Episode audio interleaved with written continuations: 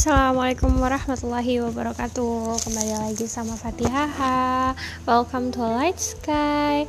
Saat ku berjalan, berlari, merenung saat berkendara. Aku mendengar, mengamati, dan merasakan. Oke, okay? tapi kali ini bukan saat aku merenung Atau saat aku berlari dan berjalan Tapi ketika aku scroll, explore di Instagram Aku sempat lihat gitu kalau nggak salah judulnya tuh Maya Estianti dan Judika terkejut ketika live story dan menerima kabar bahwa Grand Fredly almarhum meninggal seperti itu. Dan gitu aku nonton tuh aku nonton nonton nonton nonton nonton. Dan kemudian ada komentar gitu. Ih di sini gue gak respect sama Bunda Maya karena uh, dengar ketika dengar kabar Grand Fredly meninggal dia cuma bilang uh, eh ya kita berduka cita juga sih ya kayak gitu. Kalau nggak salah tuh kayak gitu. Aku lupa. Pokoknya intinya ada beberapa yang nyebutin bahwa ih Judika aja udah mau nangis. Maya malah enggak tuh ih emang pantes sih dia diceraiin emang enggak punya hati atau gimana gitu. Karena jadi underline bold and italic adalah di situ Bunda Maya di cer dicecar dicerca karena mungkin penampakannya tuh kurang berduka cita gitu. Ketika mendengar kabar uh, almarhum Glenn Fredly sudah meninggal. Nah di situ aku ngerasa kayak no nothing something like that gitu. Nggak ada ceritanya kurang berduka cita. Berduka cita itu berduka cita gitu. Banyak sedikit itu yang terpenting adalah berduka cita. Berduka cita karena nggak semua orang itu bisa menangis nggak semua orang itu menunjukkan duka cita dengan duka. Ya gak sih? Iya gak sih? Menurut aku iya. Karena aku menghadapi berita kematian orang yang aku kenal itu berapa kali ya? Satu dua tiga empat. Kayaknya sih empat kali. Kabar duka cita yang pertama kali aku dengar ketika aku masih kecil dari orang yang aku kenal adalah ibu almarhumah ibu. Ya, waktu aku kelas 5 naik kelas 6 itu ibu aku meninggal. Dan you know the situation adalah waktu itu jadi ibu ibu aku tuh almar, almarhumah ibu aku tuh pernah di opnam selama satu bulan kalau nggak salah kurang lebih satu bulan. Terus sempat pulang karena bisa rawat jalan cuci darah setiap empat hari sekali atau tiga kali tiga kali setiap dua minggu aku lupa. Pokoknya kayak gitu jadi sempat di rumah selama beberapa pekan. Terus suatu hari uh, ibu itu di balik lagi opnam lagi di rumah sakit ngedrop lagi kayak gitu. Dan itu sekitaran satu minggu apa ya? Hmm. nah waktu itu uh, di beberapa hari terakhir itu sempat ada tetangga yang bilang hmm, ini Kiki nggak mau ikut ke rumah sakit gitu kan. Terus aku waktu itu aku bilangnya kayaknya e, enggak tante nggak usah gitu. Nanti ndak ibu malah apa keganggu kalau aku datang ke sana. Titip salam ya kalau nggak salah aku bilangnya kayak gitu. Kenapa? Gitu. Karena awalnya aku pengen ikut gitu. Aku pengen ikut tapi adikku adikku waktu itu yang masih lebih kecil daripada aku aku kelas 5 adikku kelas 1 dia bilang gini enggak aku nggak mau ke nggak mau ke rumah sakit nggak nanti ibu malah nggak jadi tidur kayak gitu. Jadi adikku yang masih kecil itu udah dong gitu loh sama apa yang diperluin ibu bahwa ibu butuh istirahat gitu. Dan aku mencoba untuk ya oke okay, aku nggak mau adik sendirian dan aku juga mau ibu istirahat jadi aku nggak pergi ke rumah sakit kayak gitu. Nah terus aku ingat banget ibu meninggalnya hari minggu pagi pada subuh apa ya subuh ya pokoknya sekarang jam 5 kayak gitu dan itu tuh aku posisinya lagi nemenin anaknya tetanggaku yang aku bilang tante tadi kayak gitu. Ya di rumahnya. Jadi rumah kita kan kan di perumahan rumahnya di depan gitu. Dan aku di rumahnya tetanggaku itu. Dan kamu tahu apa yang kasih tahu aku ibu aku meninggal itu? Speaker masjid.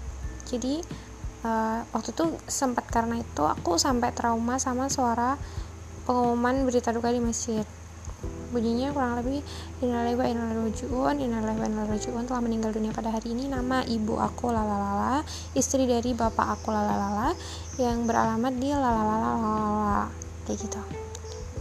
Aku lagi di rumah tetanggaku dan dengar berita kayak gitu di masjid kayak gitu. Pertama kali ketika telah meninggal dunia pada hari ini nama lalalalala itu kan. Itu yang aku pikir di otakku adalah oh mungkin itu orang lain gitu. Terus istri dari bapak lalalala terus aku tuh mikir oh itu bapak lalalala yang lain kok aku bilang kayak gitu. Terus uh, yang bertempat tinggal di lalalala terus aku bilang itu rumahku kayak gitu. Terus aku langsung ninggalin tuan anak tetanggaku terus aku langsung lari ke rumah dan di rumahku ternyata udah banyak orang tuh. Ternyata udah banyak orang adikku udah mbakku udah nangis dan adikku udah nangis yang bangun tidur gitu karena dia masih pagi kan dia bangun tidur dia langsung nangis. Dan aku juga aku nangisnya pro aku nangisnya proses gitu loh. Jadi uh, dari dari pengumuman masjid itu aku belum nangis. Ketika aku sampai di rumah awalnya tuh aku mikir kayaknya tuh waktu itu aku masih mikir gitu loh uh, enggak gak boleh nangis kayak gitu kan.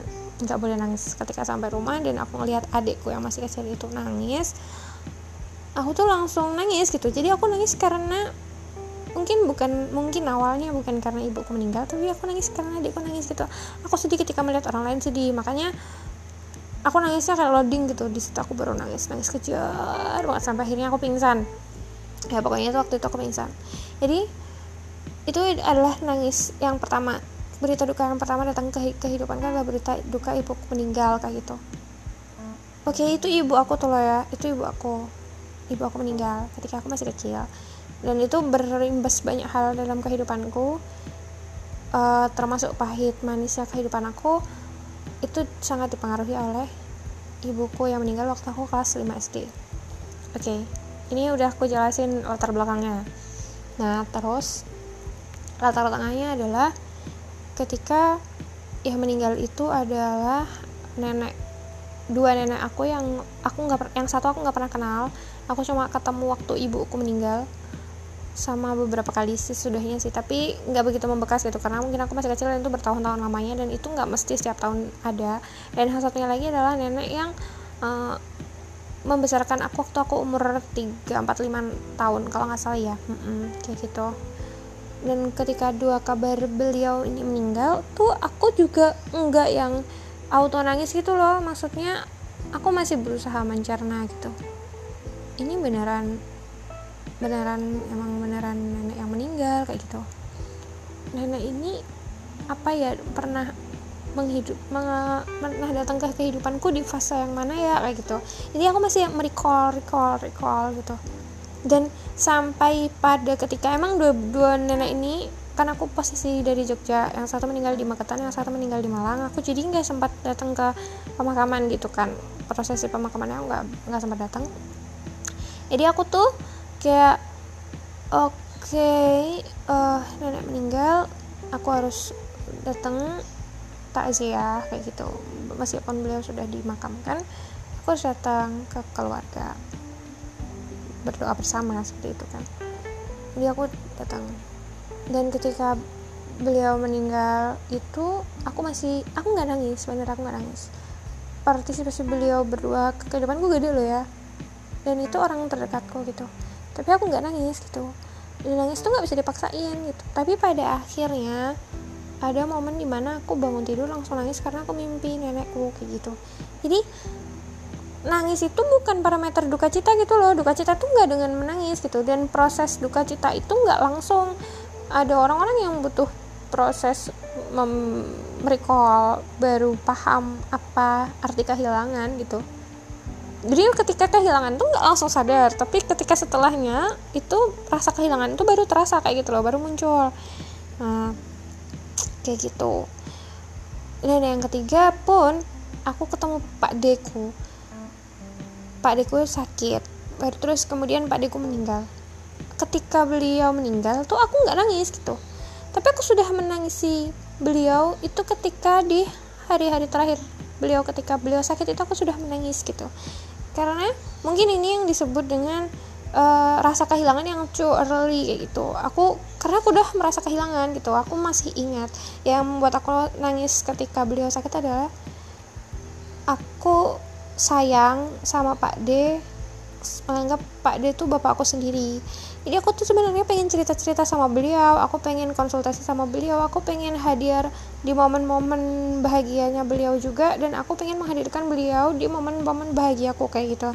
Tapi sekarang Pak dia udah sakit kayak gitu. Jadi aku udah kehilangan momen itu momen kemarin-kemarin tuh aku sudah hilang sudah tidak ada jalan untuk kembali dan ke depannya probability aku mewujudkan momen-momen yang aku inginkan itu pun sudah tampak buram seperti itu. Jadi aku sudah menangis di situ. Sudah ya sudah mengikhlaskan uh, bahwa beliau sakit dan semoga beliau lekas membaik dan beliau akan mendapatkan situasi yang lebih baik lagi daripada sekarang seperti itu.